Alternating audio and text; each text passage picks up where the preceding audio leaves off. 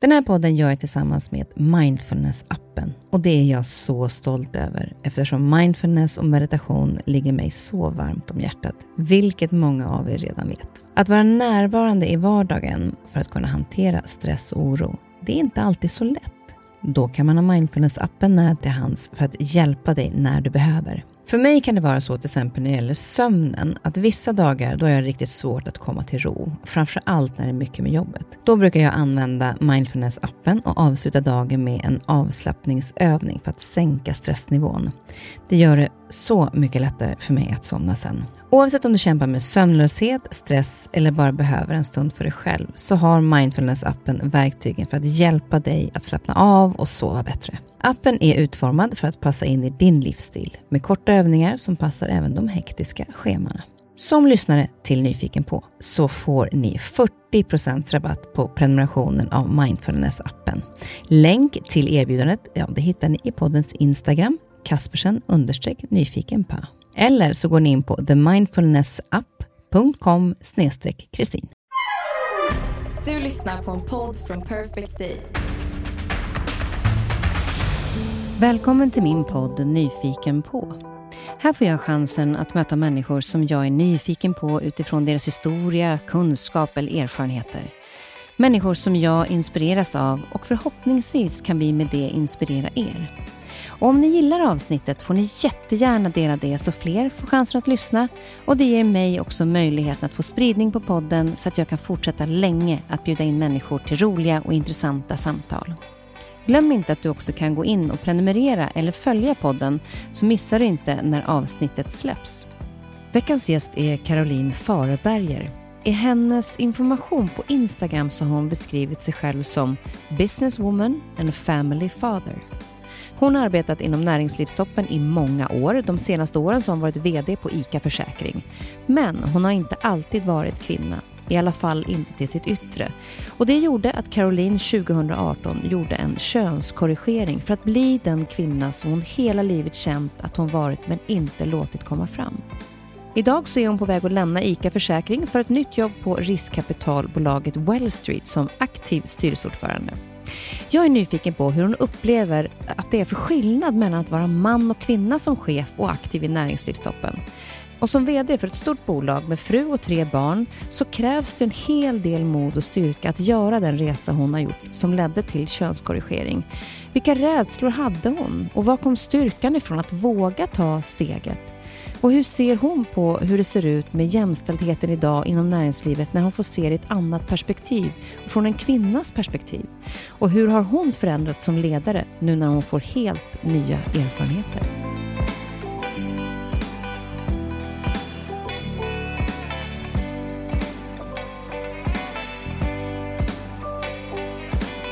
Var semlan god? Den var fantastisk god. Åh, vad gott. jag, var lite, jag var lite osäker på om det skulle finnas kvar, för jag hade ju sett att du, du gillade semlor. Ah. Men de var några som hade kvar, även om mm. semmeltiden är på väg att uh, vara förbi. Välkommen Caroline. Tack så jättemycket. Så härligt att ha dig här. Vi sågs ju häromdagen. Ja, så roligt. Det, det, det är roligt att man får börja träffas på sociala tillställningar efter pandemin. Även om vi naturligtvis lever i speciella tider fortfarande, men ändå roligt att få ses. Ja, och jag kände det var på After Rocks premiär, eh, ska jag säga. Och, eh, vi var många där som jag pratade med som kände lite så här kluvet till att nu när det sker så mycket så oroligt i världen, mm. att kan jag göra det här nu och gå ut och skratta? Och jag kände ännu mer att vad viktigt det är att vi ändå lever och gör sånt så att vi är starka. Mm. Att vi fylls på med liksom den glädjen vi kan fyllas på med för att orka för dem. Ja, ja det, ingenting blir bättre att vi skulle avstå för saker och ting. Va? Samtidigt som naturligtvis tonaliteten i samhället är, ju, är ju väldigt allvarlig. Men jag håller med.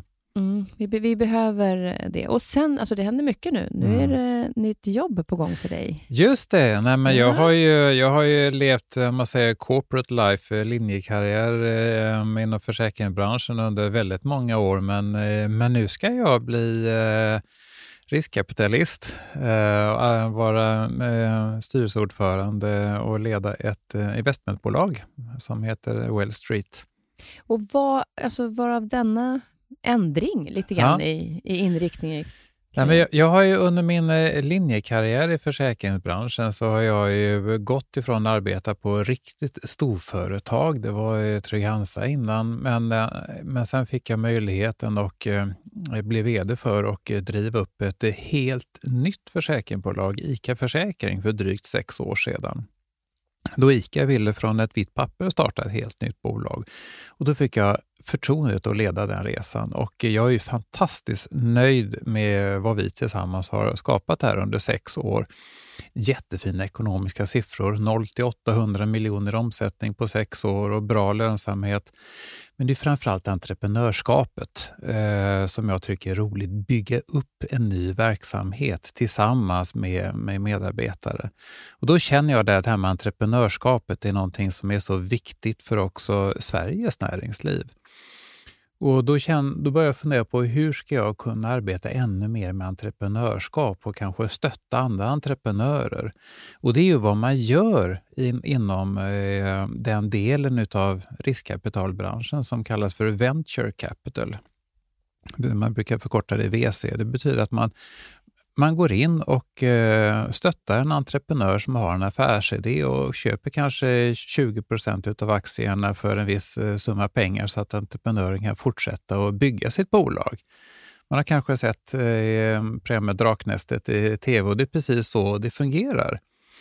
Ehm, att man stöttar entreprenörer för att vi har ju så väldigt många framgångssagor med svenska bolag som har gått från ingenting och blir nu världsbolag Spotify, Klarna, iSettle och, eh, och så vidare. Va?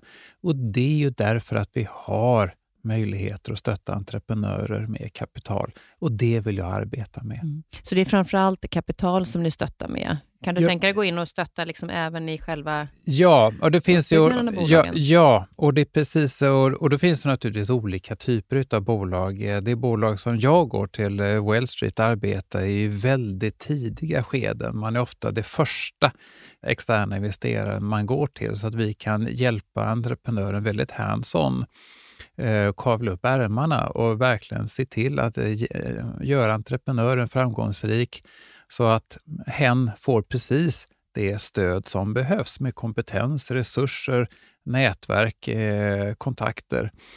Eh, så att jag ser fram till att själv kavla upp ärmarna och bli väldigt operativ och se till att nya bolag lyckas. Spännande. Men det, men det är fortfarande entreprenören som ska stå i centrum, mm.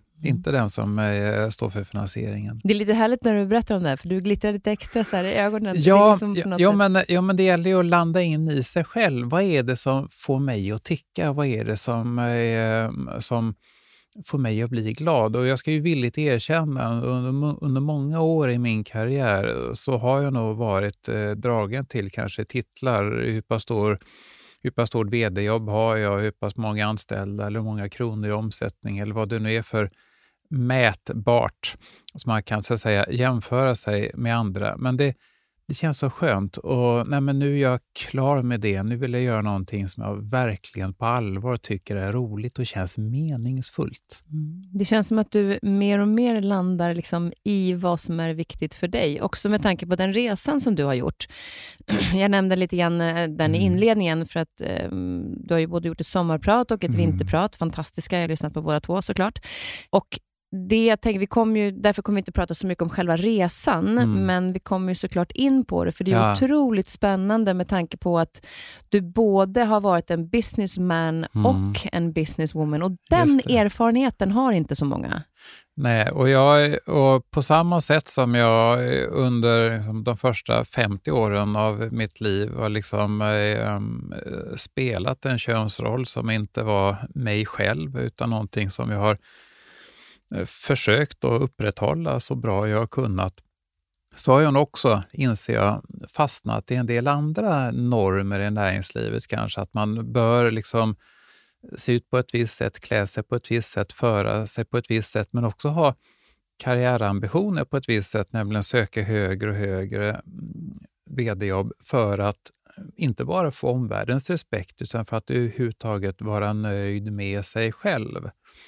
Och ehm, utan att kanske eh, unna sig lyxen att vara landad i vad gör mig egentligen glad, utan man, fastnar i ett, eh, eller jag fastnade i ett eh, ekorrhjul eh, eftersom jag är så framgångsrik ledare för det ena eller andra företaget så är jag väl lycklig, försökte intala mig utan att våga bottna i mig själv. Mm. Det är just det, är jag väl lycklig? Den tror jag många kan känna igen sig ja. i.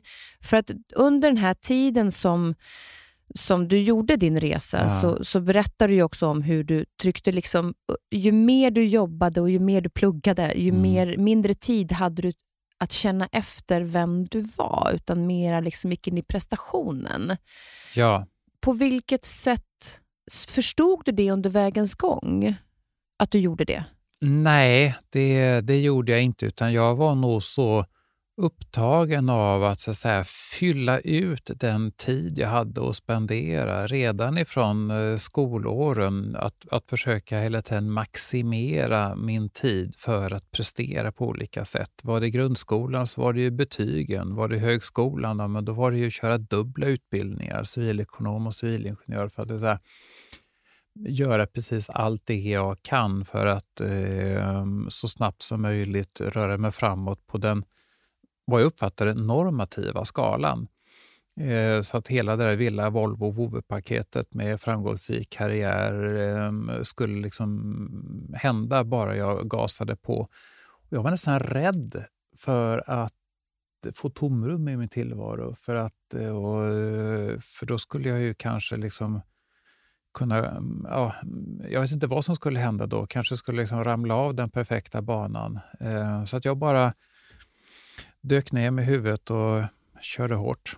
Men kunde du känna att det här att man känner sig annorlunda än andra på något mm. sätt? Så att om jag gör om jag gör det här jag kan kontrollera och prestera, så ja. behöver jag inte vara så annorlunda än de andra. Ja, men, ja, men det stämmer. För att eh, jag, eh, alltså jag ju, om man nu tar min, min könsidentitet, så har jag ju känt eh, liksom feminina dragningar ända sedan 7-8 års åldern på olika sätt eh, och känt liksom en stynga av avundsjuka när jag sett eh, flickor och kvinnor i vackra klänningar. Och, och samtidigt har jag känt en skamsenhet och varit hårt stigmatiserande för jag har sett ner på mig själv att jag haft sådana känslor vilket har gjort att jag kanske försökt överkompensera genom att eh, försöka vara den här machokillen. eh, ha, odla samma intressen som eh, de andra klasskamraterna gjorde.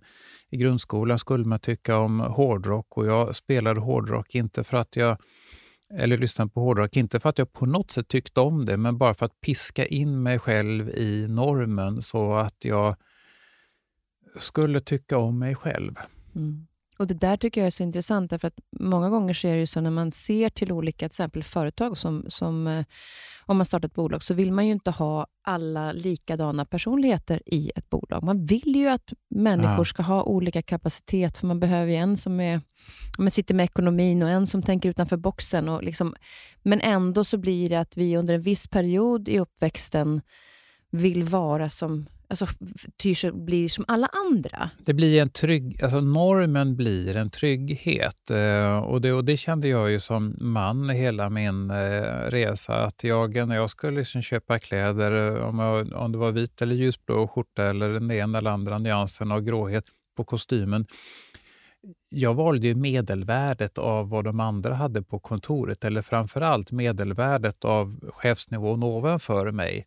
Så att jag skulle liksom känna att, eh, eller markera min tillhörighet, att jag är en av dem. Så att jag slapp behöva känna känslan att jag skulle vara utanför. Det, jag har under så många år av mitt liv sökt mig själv till normen för att skapa trygghet, men också kanske för att eh, förhindra att eh, jag skulle tillåta mig själv att blicka in i mig själv.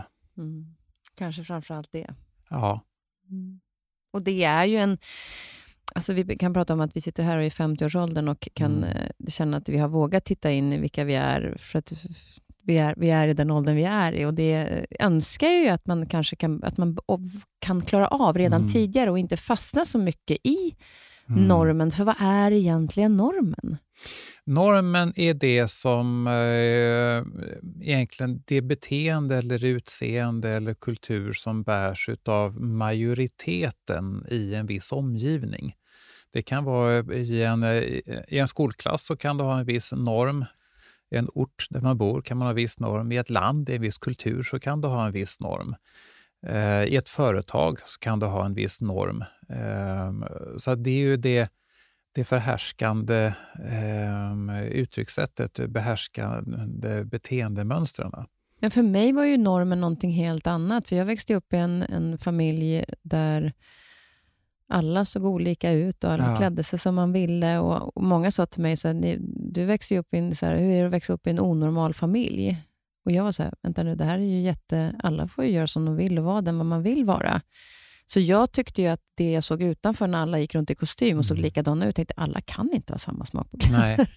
så det blir ju ändå så här, och vad är det som sätter det egentligen? Egent det är mer ja. det jag tänker på. Så här, vad, vi har den normen, vad är det som sätter att det ska vara normen?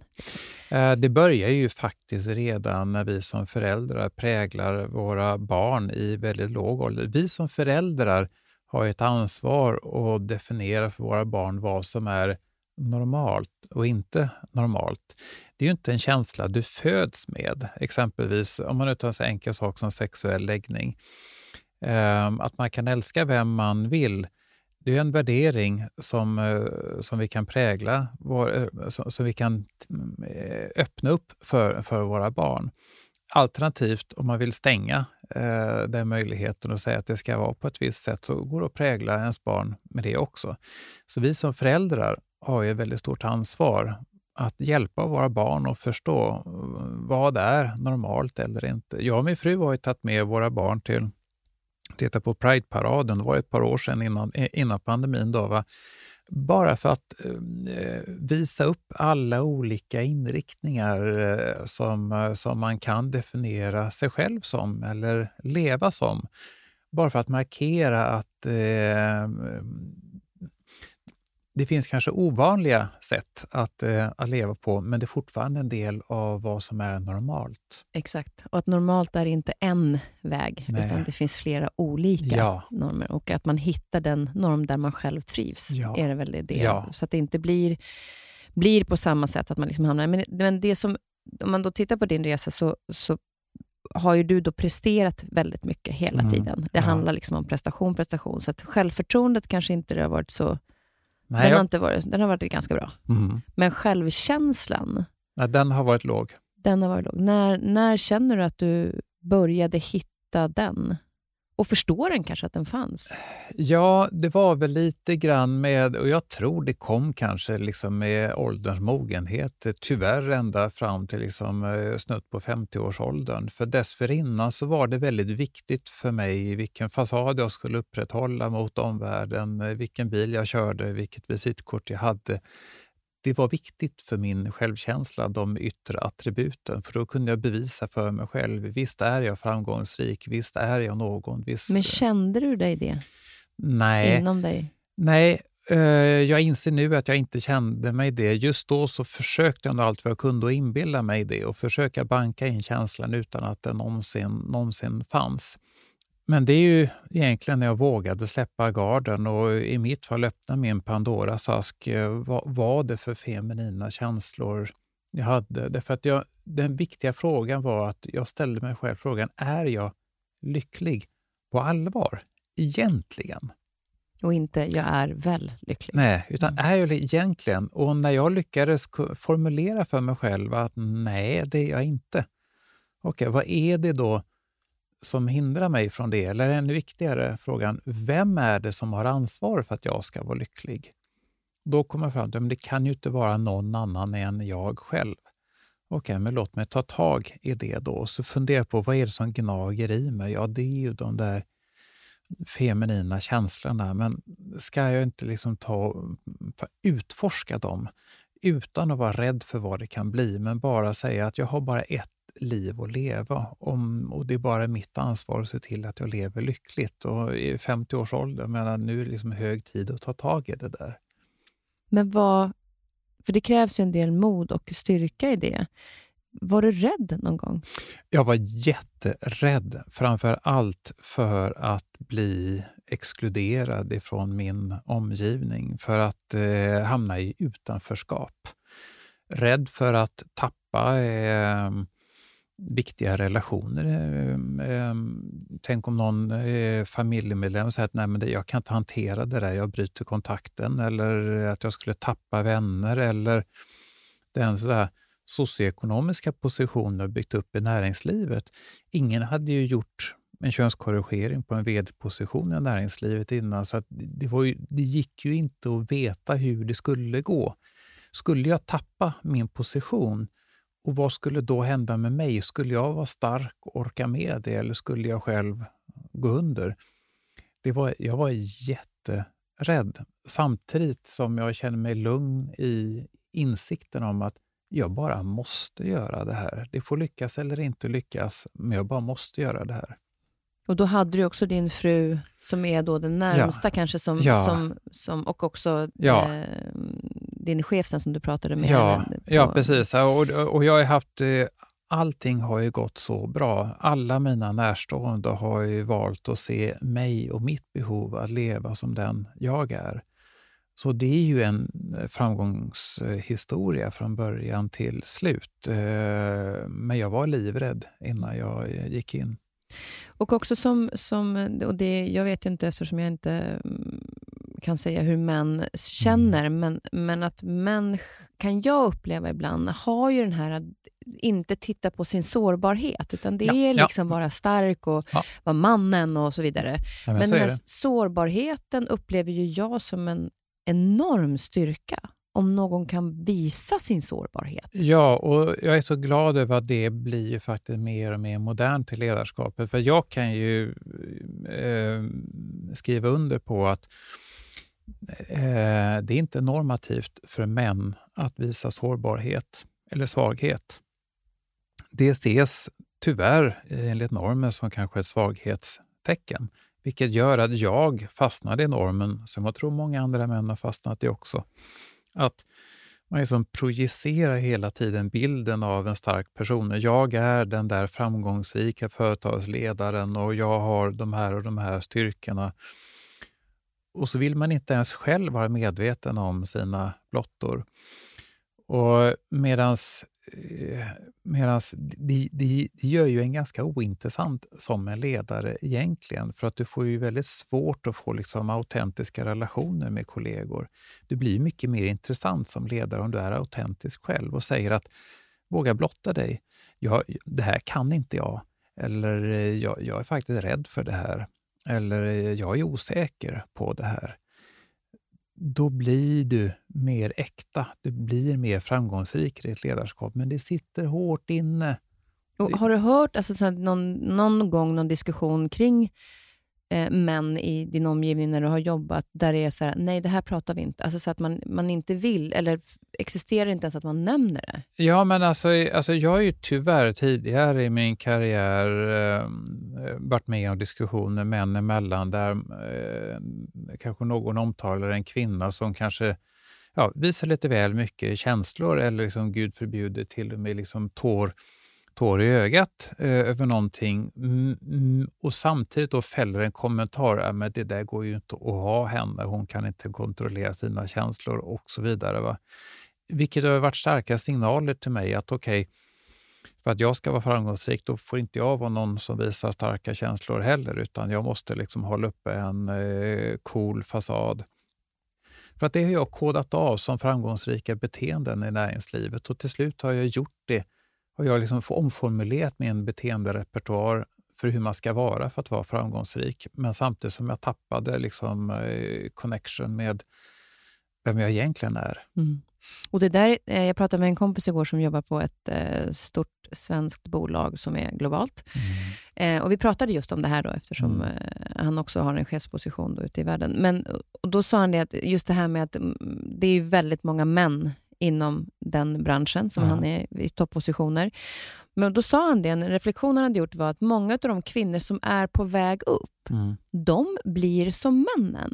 Ja, och det, och, och det, det är ju så att eh, alltså jag har ju se, sett det och också hört många kvinnor berätta eh, som har liksom gått den vägen att man ställs kanske inför en valsituation. Va? Att det, okej, vill, jag, vill jag gå vidare i den här eh, karriären som är kanske mansdominerad arbetsplats så, så är det många som har liksom behövt axla ganska manliga beteenden för att eh, det har varit den förhärskande normen, det vill säga sättet man tar sig fram på.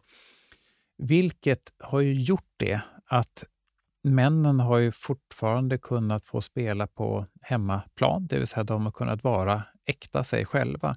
Medan många kvinnor har fått kanske liksom spela ett spel, spela på bortaplan egentligen.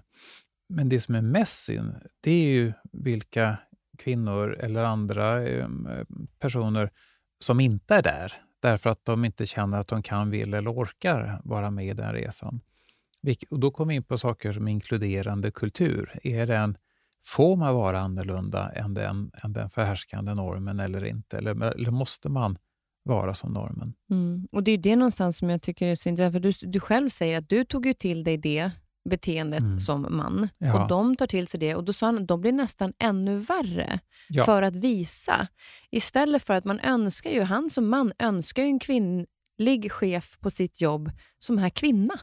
Men det, är också, men, det, men, det, men det blir också kanske lite självselektion i näringslivet. För att om jag sitter som man och ska rekrytera och så kanske jag känner att men här måste jag liksom, eh, kanske liksom rekrytera några kvinnor för att liksom det ska se bättre ut och bli bättre balans och vilken kvinna ska jag ta? Och så kanske man omedvetet väljer någon kvinna som man kan liksom på något sätt känna igen sig i beteendemässigt. Ja, men hon, hon liksom, vi spelar på samma liksom, eh, eh våglängd, hon tänker och beter sig ungefär som jag. Hon kommer att passa in i gänget. Och så blir det kanske liksom lite självförstärkande. Istället för att, som jag försöker agera i mitt ledarskap nu som vd, att okej, men vilket beteende eller vilken personlighetstyp skulle komplettera det här teamet bäst för att, för att, att säga, öka bredden utav eh, infallsvinklar. Mm. Men, Det är- men, men det krävs en medvetenhet och det krävs lite extra energi. Men, men tror du inte att det är väl kanske, är det det att man inte ger den energin för att man följer, det blir för mycket att bryta? Så att man, man du har pratat om att man liksom, i sitt ledarskap så måste man vara aktiv varje dag. Ja, men det, ja, men det är ju så att, eh, att vi har alla fördomar. En del av dem är eh, omedvetna, eh, en del av dem är medvetna. Man kan utbilda sig själv för att göra om ens omedvetna fördomar till medvetna. Till exempel att man har kanske förutfattade meningar om, eh, om, någon, om, om, om kvinnor eller män eller om lågutbildade eller högutbildade eller, eh, eller vad det kan vara. Eh, men det är ju en väldigt aktiv handling att gå emot den egna driften och den egna driften är oftast lika söker lika. Och faktiskt på allvar, inte bara eh, för att man måste söka olikheter utan själv tro på att vi som organisation, vi som ledningsteam, vi blir bättre om vi har olika personer runt bordet och på allvar tro på det. För att eh, det finns ju så många undersökningar nu som visar att företag blir mer framgångsrika med mer mångfald i ledningsgruppen och med mer inkluderande kultur. Och ja, det är lite jobbigt om man inte har eh, liksom tagit till sig det där tidigare. Och, eh, och ja, i vissa fall så kanske diskussionerna drar ut lite på tiden om man verkligen ska ta nytta av alla infallsvinklar. Men besluten blir ju så mycket bättre och företaget blir ju mer framgångsrikt. Men det kräver en viss ansträngning.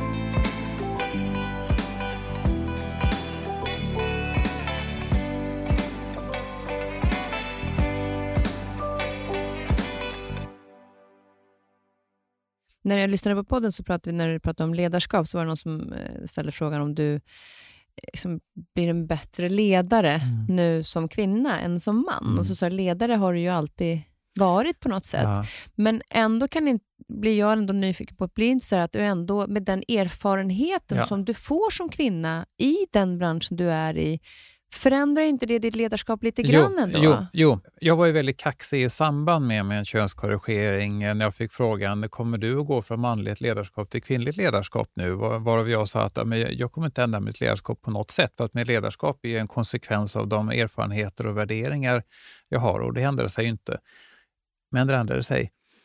Därför att, eh, att gå från en så att säga, eh, representant för en enorm majoritet till, eh, till att kliva ur skorna och se det med andra ögon fick ju så många nya insikter till mig. Och framför allt för att jag fick en mer äkta och genuin relation med många andra kvinnor som berättade hela historien för mig och berättade för mig hur de hade upplevt härskarbeteenden eh, på sin arbetsplats, till och med ifrån mig också, vilket var jättejobbigt att höra.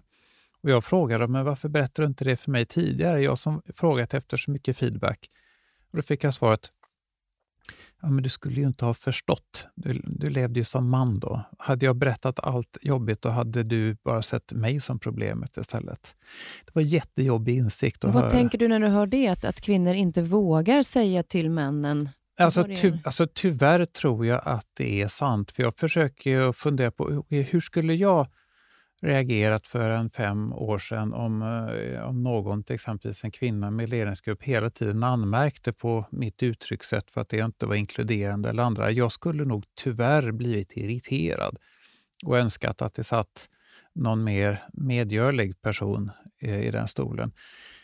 Jag skäms att det gör ont i mig när jag inser att jag, jag, eh, jag skulle nog bara liksom ha sett vad som var kortsiktigt mest effektivt. Men otroligt ärligt av dig att, att också få den insikten ja. och ta den till dig. Ja, och det, vilket har gjort nu att jag har liksom känt att okej, okay, alltså, nu på allvar måste vi som näringsliv flytta fram positionerna.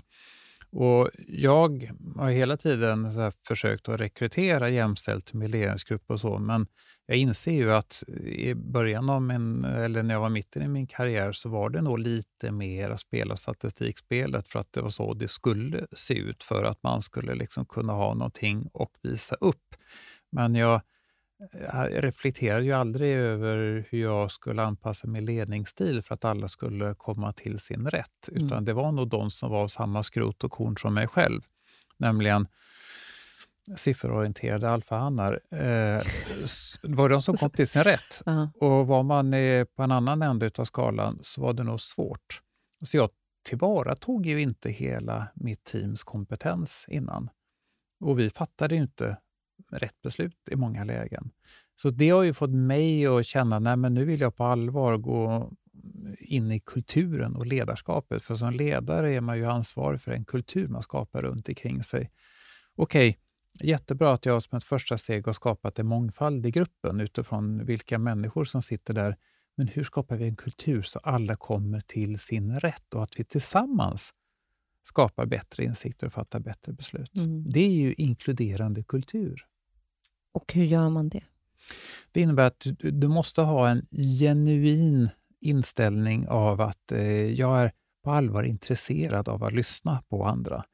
Så att jag som ledare är ansvarig för kulturen. Jag låter ju bli att eh, ange i början av mötet hur jag, hur jag egentligen helst vill att en fråga ska lösas. Jag låter någon presentera ett upplägg, men sen så är jag väldigt intresserad av att alla verkligen bidrar med sina perspektiv. Jag ser till att alla pratar, inte bara för att pricka av att alla har gjort sig hörda, utan jag som ledare vill ju verkligen förstå alla infallsvinklar. För även om vi är tio personer runt bordet, nio säger samma sak och den tionde personen säger något annorlunda.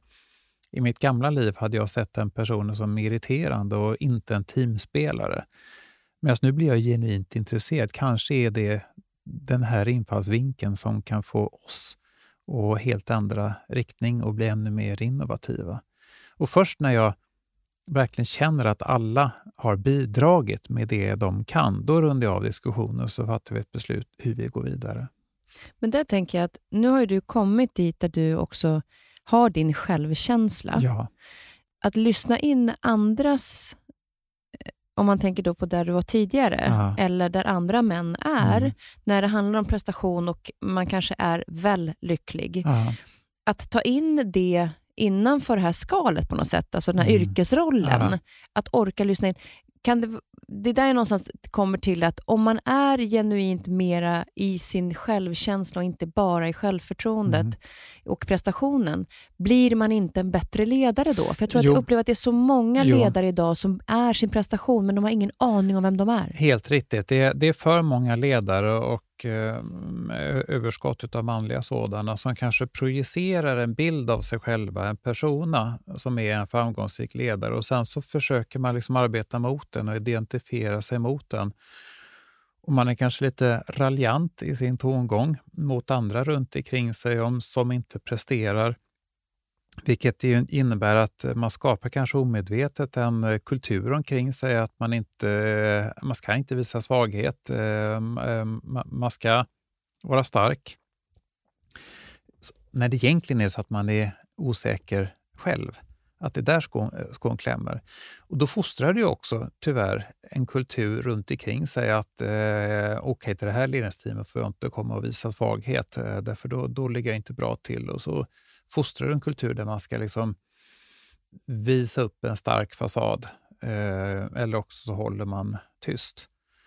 Och, och, men alltså, en högsta chef, en ledare, har ju så stort ansvar för kulturen. Om jag som högsta chef projicerar att jag är en människa, jag har svagheter och jag har brister och ändå att jag känner mig okej med det, då kan jag hjälpa andra att förstå att ja, men det är helt okej också att, att, eh, att ha en del brister och vara öppen med det. Och Då kan vi ha en mer autentisk kultur Mm. och då, då kan vi tillsammans växa. Och det är väl det som ledarskapet handlar om, Ja, att, att tillsammans. För vad, vad, vad skulle du säga är ett bra ledarskap? Eh, Alltså nu pratar um, värderingsdrivet ledarskap, det vill säga att vi är tydliga på vad är det högre syftet, eh, ha en stark inre etisk kompass i vad det är vi ska uppleva. Eh, inkluderande ledarskap, där vi på allvar tillvaratar den, den kompetens och den förmåga som finns i gruppen, så alla kan vara till sin rätt. Autentiskt ledarskap, att jag som ledare visar hela mig själv som den människa jag är inte en yrkesroll. Och det är väl det som, det är då man blir trovärdig också. För Ja. någonstans så, så kan ju ganska många faktiskt se igenom att det där Ja. hos många ledare, att den Mm. är någonting som inte är grundat. Ja, och då har man, då har man chans att faktiskt bli också tagen som en ledare, till skillnad att vara en chef som klamrar sig fast vid ett visitkort med sin auktoritet eh, och fattar beslut utifrån det. Men ledarskap, det får du inte genom ett visitkort, det får du, det får du genom, att, eh, ge- genom att vara en förebild som människa. Och där någonstans, eh, när du kom in på det här med att, eh, när du kom in på att liksom prata med de här kvinn, kvinnorna och på Mm. riktigt vad de hade känt Ja. under tiden, eh, så nämnde du också det här med härskarteknik-delen som jag tror Ja. är den är ju så pass stor ändå, fast Mm. den ändå inte på något sätt syns, för man markerar den inte alltid. Men där har du valt att eh, tänka annorlunda idag än vad du gjorde tidigare. Ja, ja nej, men alltså jag är så, och det är ju det är drivet av en skamsenhet över hur pass ignorant jag var själv. För jag, jag, jag inser ju först nu efterhand att vissa beteenden som jag tyckte var helt legitima eh, blir uppfattade som härskartekniker. Så att jag, sitter, jag i, sitter jag i en ledningsgrupp nu, eller en arbetsgrupp, och, och märker beteenden som, är, eh, som gör att eh, man kommer inte till sin rätt, Mm. då markerar jag i öppet forum. Och det gjorde du inte förut. Förut var det mellan, det gjorde jag mellan, mellan Nej, det fyra jag inte. ögon. Nej, det gjorde jag inte. Eh, och för det tror jag väldigt många är, är ju fortfarande, att man tänker det här tar jag med den personen sen, Mm. för att inte göra den personen till åtlöje. Ja, Men precis. vikten av att markera har du kommit till på ett annat sätt, för att visa andra. Ja, helt riktigt. Och Det krävs också tror jag lite mod, för det är inte nog alla som är nej, där. Nej, det- krävs både en insikt i att eh, vad är ett härskarbeteende, att kunna fånga det i, eh, i öppet forum, att kunna, ah, den där kommentaren eh, gjorde den personen bara för att tysta en annan person. Och sen då ett mod att säga till i öppet forum. Därför jag har ju lovat mig själv att säga till direkt när det sker. Därför att om jag låter en sak passera då blir jag ju indirekt medskyldig också. Det vill säga, genom att bara vara en passiv åskådare och inte säga till, då blir jag en del av problemet. Och Det här man måste bestämma sig. Vill man vara en del av lösningen eller vill man vara en del av problemet? Att skapa en mer inkluderande kultur, det är allas ansvar i, en grupp. Märker jag ett beteende som går i fel riktning, då säger jag till. Om man är ledare i ett företag så kanske det är lättare än om man är anställd att säga till sin chef att markera, det där tycker inte jag att du ska säga. Det krävs ju kanske liksom på ett annat sätt. Och Det är därför det är så viktigt att i sitt eh, ledarskap som chef våga visa svaghet. Säga att, på allvar säga att jag är öppen för feedback. Eh, det är en sak att säga att jag är öppen för feedback. Det är en annan sak att på allvar signalera det. Det bästa sättet att signalera är att, eh, är att berätta om sina svagheter. Jag har eh, eh, tidigare genom åren gjort så att den utvecklingsplan, den feedback jag har fått ifrån min över, överställde chef, den har jag visat upp för hela min ledningsgrupp. Här är den feedback jag har fått med mig. Här är mina styrkor och svagheter enligt, enligt min chef. Det har varit väldigt ovanligt, mm. eh, har märkt. Men Hur det, har det mottagits? Uh, oj, det var... Mm, oj, ska vi verkligen ta del av den informationen? Men det har varit ett sätt för mig att visa att ja, men så är ja, men Jag vill visa att jag är sårbar. Att, eh, att jag har svagheter för att därigenom sätta en kultur att det är okej okay att ha svagheter. För det har ju även jag som eh, chef. Mm. Har du läst Brené Brown? Nej. Nej hon, eh, hon har ju forskat på sårbarhet i över tio år mm. och skrivit en bok som heter um, just det här med att sårbar är en styrka. Uh, otroligt också i sårbarhet och ledarskap. Jätteintressanta uh, böcker just kring hur faktiskt jag, och det, det kan jag tycka, så här, många kan säga så här, Kristin, du verkar vara så stark jämt. Är du aldrig svag? Och Jag känner inte igen mig i svag, men jag känner igen mig i sårbarhet och att jag är skör. Eh, och Det tycker jag verkligen är en styrka i mig själv idag och jag kan tycka att det är så fantastiskt skönt att se en ledare som också visar sig sårbar. Ja. För det visar att den personen är en människa. Ja. Och jag litar så mycket mer på den personen än på någon som aldrig skulle, liksom, där yes. man känner att den där yes. sårbarheten inte går igenom. För det är ju omöjligt att inte vara yes. sårbar någon gång. Yes. Så den, den, eh, nej, det är en fantastisk eh, bok om man vill, om man tittar mer på, på den biten. Du har också liksom, kring det här med, med eh, inom ledarskapet och också jag vet att du pratade om det i sommarpratet, det här med jämställdhet. Att du mm. var på något möte där det var så här, någon chef som sa så här, ja men titta här, vi är lika många män ja. som kvinnor. Och Det är ju så att, eh, att, att det här med jämställdhet har ju många bottnar. Ehm, och, och, det här var väl en, eh, en eh, 10-12 år sedan kanske. Vi var i en ledarskapskonferens, vi satt tio personer efter eftermiddagen och min manliga chef sa vad fantastiskt med jämställd ledningsgrupp. Så tittade jag, okej, okay, okay, två av kvinnorna det, det, är chefens assistent och chefens sekreterare och sen är det HR-chefen och sen så var det en juridikchef och så var det en supportchef. Medan männen, både mig själv och eh, chefen inkluderade, satt ju på alla affärspositionerna. Det vill säga makten och därigenom också tonaliteten och inflytandet i ledningsgruppen var ju absolut inte jämställt. Mm. Och så märker vi ju näringslivet också.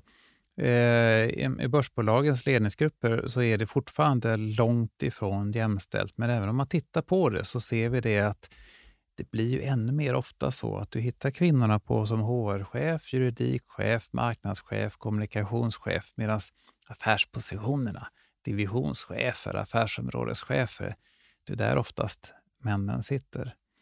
Och Det här kan du gå vidare och prata om så här ägandet också.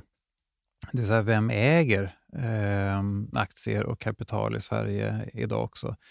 Där är också väldigt stor skillnad.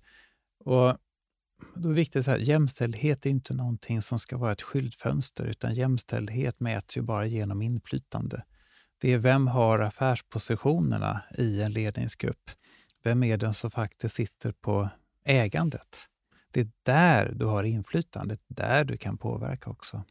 Och där är det då svårare. Och jag menar, det, det saknas inte kompetens hos kvinnorna som, som gör att de inte skulle kunna vara där. Så vi, vi har ju såklart blivit bättre, ska vi väl också säga, de senaste åren. Så tittar man 20-30 år tillbaka så såg det ju ännu an, mer mm. annorlunda ut. Så att vi kanske är på väg åt rätt håll. Men vad är det som gör att inte kvinnorna får den positionen än? För de har, det finns mm. ju många kvinnor som har den kompetensen. Jag tror att det är, och det är helt riktigt, jag menar, vad är det, vad är det, eh, börsbolagen, det är väl någonstans 10 procent eh, av börsbolagens vd som, som, som är kvinnor. Jag tror inte att det är en rätt beskrivning av fördelning av kompetens.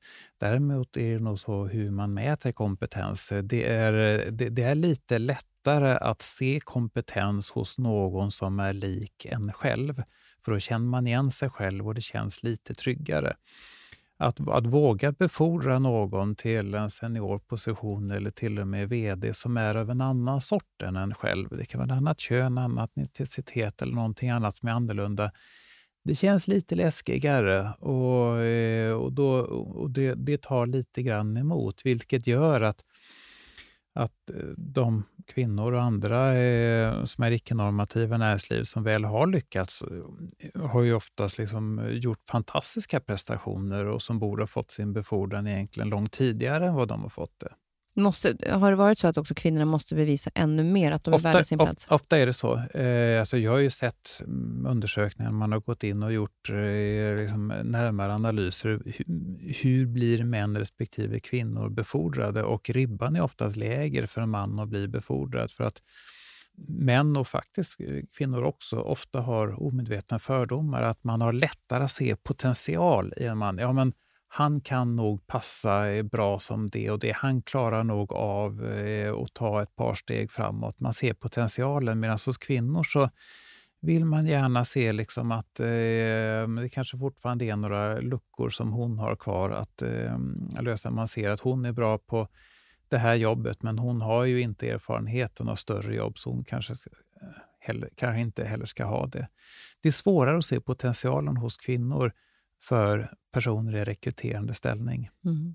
Och Är det någonting som du kan känna att du vill titta på närmare också, så att, att, inkludera ja. det och öppna upp för det? Ja, ja, ja alltså, alltså jag, ser, jag ser mångfalden i sig som en kompetens.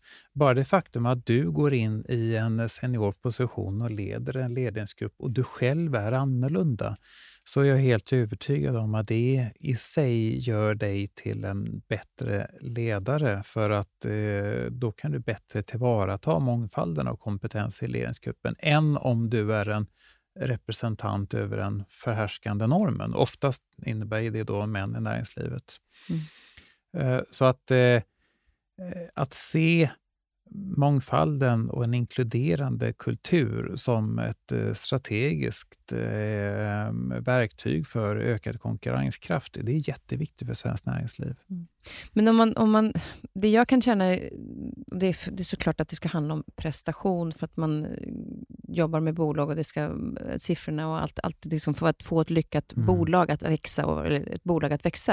Mm. Men många gånger så kan man prata om att när man gör den här resan som, som, eh, ja, men som till exempel du har gjort inom, inom yrket, så handlar det om att jag tar den här positionen så kan det leda mig till den här positionen. Att, att Det känns som ibland är det väldigt fokuserat kring sin egen resa. Mm. Eh, och när man, mer än att man pratar om att jag vill ta det här bolaget hit. Jag vill mm. utveckla kulturen i det här bolaget. Mm. Utan man ser mer till sig själv i sin egen mm. resa nej, för att få bekräftelse. Nej, men det är så att jag, jag inser att jag, eh, jag, jag var fångad i ett sånt här eh, tänk redan när jag kom ut i näringslivet från första början början. Det var som att jag skulle lägga ut den perfekta resan. Här ska jag vara på en arbetsplats ett eller två eller tre år för att eh, kunna pricka av det eller det för att därigenom så att säga, maximera min fortsatta karriärväg. Och det såg jag nästan som ett sorts spel. Jag såg min, jag såg min yrkesbana som, ett, eh, som någonting som skulle maximeras för sin egen skull utan att jag egentligen någonsin var landad som människa eller, eller, eller hade en egen passion för verksamheten kanske, utan att eh, arbetsgivaren och organisationen var nästan en sorts medel för att maximera min egen, eh, min egen karriär. Och jag uppfattar att det var den förhärskande mentaliteten i de grabbgäng jag ingick i, eh, i tidiga skeden av min karriär. Det var så man pratades vid. Men, eh, vilken position ska man ta för att därigenom eh, få snabbaste vägen till att bli VD? Och ja, man gör det ena eller det andra. Och den som började prata om vad man egentligen ville göra och vad man hade för passion sågs lite grann som en avfälling. Eh, någon som är ja, på väg att liksom falla ifrån den perfekta banan. Medan jag funderar ju nu, liksom, tänk om jag hade lyssnat på mig själv och min egen passion tidigare. Vad hade jag hade jag haft ett lyckligare yrkesliv då? Ja, det är en hypotetisk fråga. Jag är glad med vad jag gör nu. Jag går ifrån en titel som VD för ett stort eh, bolag för att jag vill arbeta med, med, med entreprenörer eh, och riskkapital. Och Det är utifrån att det är det jag har en passion för. Det är det jag vill göra. Det är, det som, eh, det är en resa jag vill vara med på. Och Det är det jag tänker, att om, om alla vågade känna mer också vad man har passion för mm. och inte bara klättra på stegen. Ja. Hur skulle det se ut då? Alltså skulle det inte vara... Vi skulle frigöra betydligt mer kraft i näringslivet. För att jag inser det att jag, eh, det var långt ifrån alla dagar som jag på något sätt jag, äh, var nöjd och glad i tillvaron. Jag satte på mig en mask. Det är ungefär som att man satte på sig en stridsmundering och så går man ut och för krig för att det är ens, eh, ens plikt. Men passionen eh, fanns ju liksom inte där. utan eh, Och så fick man ju på något sätt titta i något lönekuvert eller bonuskuvert eller något annat liksom mätbart eh, för att liksom få eh, kvitto på sin prestation och försöka skapa en nöjdhetskänsla utifrån det. Medan jag längtar ju efter istället att få känna att nej, men nu känner jag i mitt samvete att jag har gjort en bra insats. Jag är nöjd med mig själv enligt en måttstock jag själv har satt upp. Det är den känslan jag vill ha och det är den känslan jag vill att fler ska ha. Då blir vi mer autentiska också och mer intressanta som människor för vår omgivning.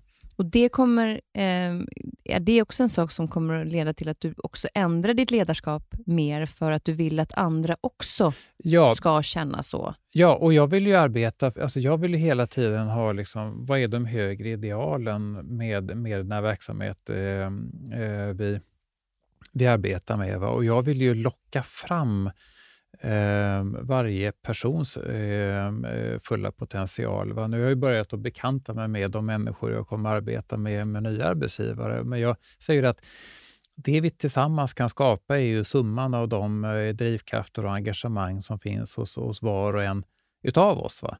Och Det är den, det jag vill maximera. Och så kan vi enas kring ett övergripande syfte. Vad är det för någonting vi tillsammans vill göra och tycker är viktigt att göra? Eh, och så ska det ge bra business i slutändan också naturligtvis. Men det ska vara drivet av eh, starka gemensamma drivkrafter som vi har. Och då förhoppningsvis också kan vi orka på ett annat sätt. För jag känner att måste, måste ta det tar ju enormt mycket, jag ska inte säga att, att eh, jag har ju aldrig varit inom den branschen, men mm. även inom den branschen som jag har varit i, där man fastnar väldigt mycket i den här prestationen och så mm. osäkerheten någonstans inombords. Men jag måste ju visa utåt sett att jag inte är ett dugg osäker, utan jag är superstark i det jag är och det Aha. jag gör. Aha. Men ändå är det någonting, alltså det tar ju väldigt mycket kraft så istället för att man är... Jag säger det, att eh, liksom, det blir som att spela ett spel. Va? Och uh, utifrån att vara, vara, vara ekorrhjulet. Va? Alltså jag drivs av saker som att jag kommer att vilja arbeta med entreprenören, men jag drivs också av frågan hur kan vi säga demokratisera tillgången till riskkapital också. Va? Därför att det är ju en bransch som är präglad av faktiskt många normativa grabbar, både på kapitalsidan och på entreprenörssidan. Medan entreprenörskraften i Sverige, den är ju betydligt mer eh, eh, spridd egentligen. Mm. Eh, det finns många kvinnliga entreprenörer, det finns många entreprenörer från förorten eller andra grupperingar som inte känner sig inkluderade i samhället. Hur tar vi vara på den entreprenörskraften och låter de entreprenörerna växa och få tillgång till kapital? Ja, och där är ju också hur man, hur man blir eh, sedd. Mm. För jag tänker på de här olikheterna. Och där var jag lite inne på, eh, när jag lyssnade på ditt vinterprat, så pratade mm. du till dina barn i slutet. Och där handlade det ju om förmodligen också det som de, de, möter, det här med prestationen i skolan, att du kanske får bra betyg och du får lyckas med det här, men ta med dig de här grejerna på ja. vägen. Eh, jag kan ju känna som, som eh, har haft ganska mycket problem med skolan, både själv men också för mina barn som, som eh, med ADD och ADHD. Att de har liksom inte fallit, de har aldrig blivit sedda för den de ja. är, aldrig mm. blivit belönade för den de är. De har aldrig blivit belönade för att de tänker utanför boxen i skolan, för att du måste göra det på det här sättet. Du kan inte göra så. Mm. Du måste göra så här. De är ju mycket svårare att se men de har en enorm potential. Mm. Det är lättare, som du pratar om, det är en etnisk grupp eller, eller funktionsnedsättning eller vad det nu mm. är, som du kan se utifrån. Men hur kan vi komma åt de här fantastiska individerna som har så mycket att ge? Ja, och det, och det handlar ju om att, eh, att, att verkligen se varje människa för vem hen är. Och Det är ju i ledarskapet att, eh, att om vi två skulle arbeta tillsammans, eh, jag skulle ju verkligen på allvar vilja lära känna dig som person och undvika det som är så lätt att göra, sortera in dig i en viss kategori för att du, det framstår som att du har ett visst eh, kön och viss åldersgrupp och, och, och lite annat. Och så börjar med omedvetna fördomar. Och, och sätta igång Alltså är du sannolikt på det ena eller andra sättet. Men det är ju så mycket om det jag inte vet. Så att det är ju börja med en genuint intresse av att vilja känna dig som människa, men också att förstå vilka förutsättningar behöver du för att komma till din fulla rätt? Och hur kan jag som ledare se till att du får den plats du behöver. Eh, inte bara i det space som finns mellan dig och mig, men också det space du behöver i den grupp som vi tillsammans arbetar i. Så hur kan jag som ledare se till så att vi har ett gemensamt inkluderande space där alla kan få vara de de är. För Då blir det ju högre livskvalitet, för i detta fall dig själv. Du känner att de här kan jag komma till med fulla rätt. Jag känner mig liksom eh, nöjd och glad. Du kan ge mer av dig själv. Vi som arbetsgivare får ut hela din potential, men framför allt att vi skapar ju bättre resultat tillsammans. Mm. Och Vad skulle du säga om, om, eh, som, eh, om du skulle få någon som är nu på väg ut i arbetslivet Aha. och eh, ska möta allt det här Aha. som du inom din bransch har fått, fått se, ja. med den erfarenheten du har idag, ja. oavsett om det är en, en tjej eller kille som är på väg ja. ut, vad skulle du vilja att de tog med sig för att få en, en sån optimalt lyckad resa inom sig själv och för bolaget? Ja, men vad, fundera noga igenom, eh, vem är du? Eh, så långt du kommer i dina insikter och bejaka det. Och sen fundera på vad är din passion? Vad skulle verkligen ge dig energi? Så du kan sortera bort typ att ja, men jag borde jobba med det eller det för att kunna få status eller för att kunna få omvärldens eh, bekräftelse. Vad skulle verkligen vara din passion? Och sen sök den passionen. Och sen så är det oerhört viktigt vilken din första arbetsplats är och framförallt vilken är din första chef. Känner du att du kommer till ett ställe där du känner dig inkluderad, typ här kan jag vara mig själv, här blir jag sedd för den jag är. Se till att hålla fast i den chefen och arbetsplatsen. Men känner du att nej, men här blir jag insorterad ett fack, här blir jag sedd som en resurs och inte en människa, gå därifrån, för det kommer nog inte att eh, göra dig lycklig. Mm. Och den, det, mod, alltså det är ju så mycket som krävs för att man ska kunna ta den där. Men, men någonstans mm. så skulle jag nog säga att man brukar prata om det här med, med sin intuition eller sin magkänsla. Ja. Liksom, att den oftast stämmer. Att våga ja, stå i den. Ja, och det, men det är, jag vet av erfarenhet, det är jättejobbigt. Det är så mycket som att man pratar som klasskompisar, man, man ska ju jobba på det eller det, för det är ju status eller prestigefyllt och det bästa vägen till att bli VD och så vidare. Jag fastnar ju det utan att någonsin förstå, vill jag egentligen det? Eller gör jag det här bara för att liksom på något sätt följa med i spelet och få, och få status och respekt och anseende? För att hjälpa våra barn och unga människor att vara mer landade i sig själva. För det, det tror jag på allvar är en snabbare väg till livslycka.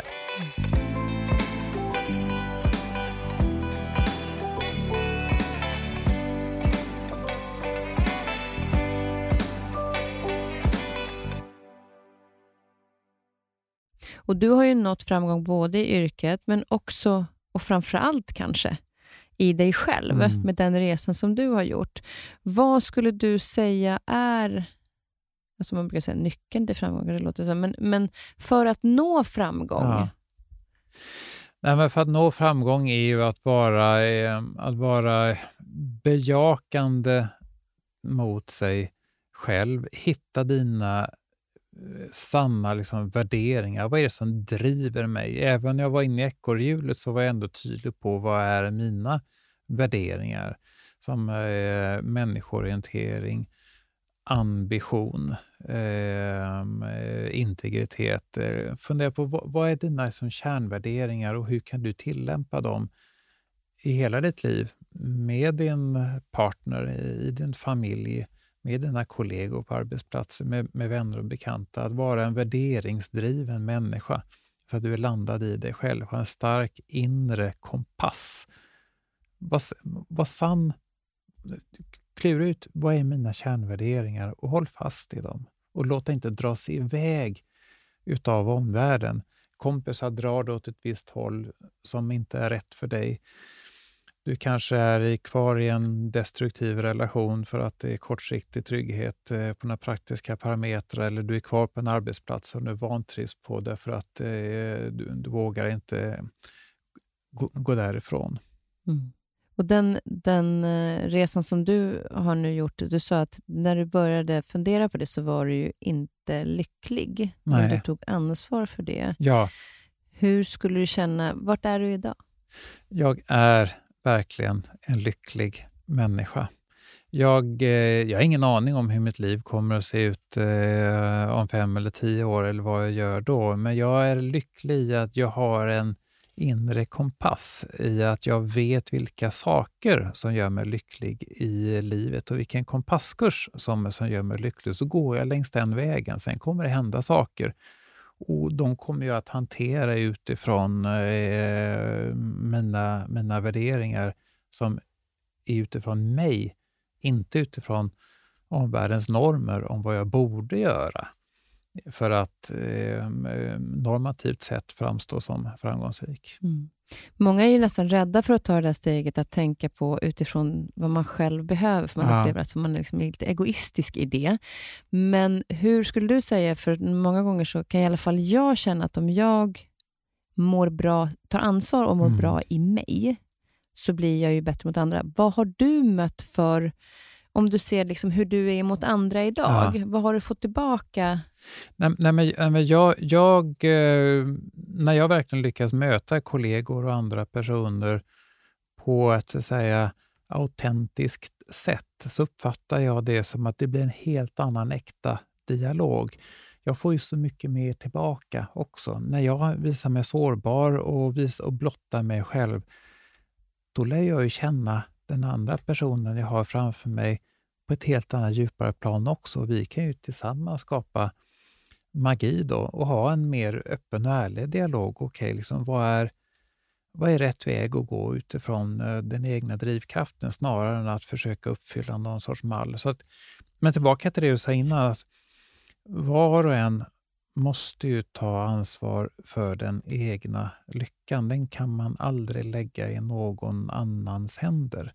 Vilket innebär att var och en av oss har ett ansvar att på allvar förstå vad är det som gör mig lycklig. Mm. Ingen annan kommer att berätta det. Och Det kan vara en, eh, krävas en del mod för att hamna i ja. lyckan, ja. men det är fan så värt det. det är det. Det är det. Ja, fantastiskt. Din historia är helt underbar och det är så fint att få lyssna till någon som har flera perspektiv i en värld som inte alla kan få det.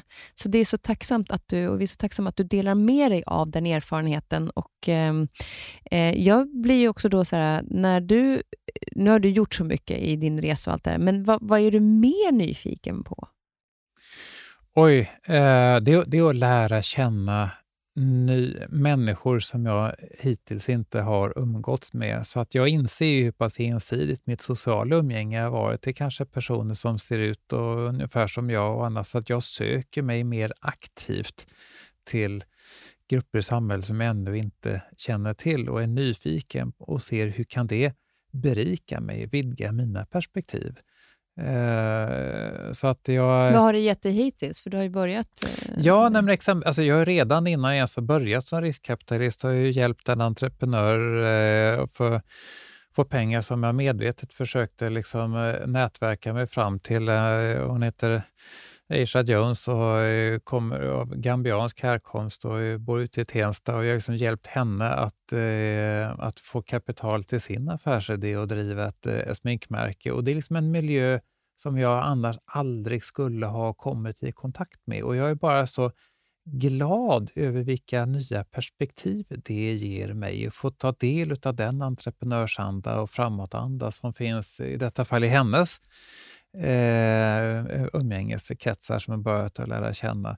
Och jag blir så glad över vilka nya perspektiv det ger mig när vi också lär känna vilket så mångfacetterat samhälle vi har och tänk om vi liksom kan bli ännu bättre som samhälle, ta tillvara på den kraft vi har. Mm. Både kompetens och den, eh, det de också ger ja. ifrån där de kommer ifrån. Ja. Så oavsett vilken, vilken del det är. Ja. Så det vi varit inne på med, med både prestation och det de är som människor. Ja. Tack snälla för att du kom hit. Eh, vi ska lyssna på en avsluta med en låt. Mm.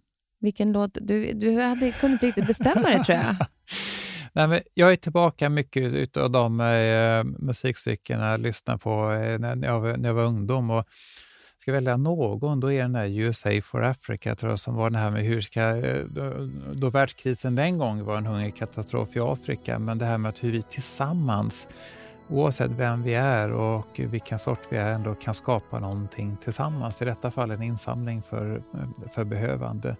Eh, det gjorde starkt intryck på mig. Mm, men då tar vi avslutar med den. Lycka till med det nya jobbet och tack snälla för att du kom hit. Jätteroligt att vara här. Tack. when we heed a certain call, when the world must come together as one. There are people dying.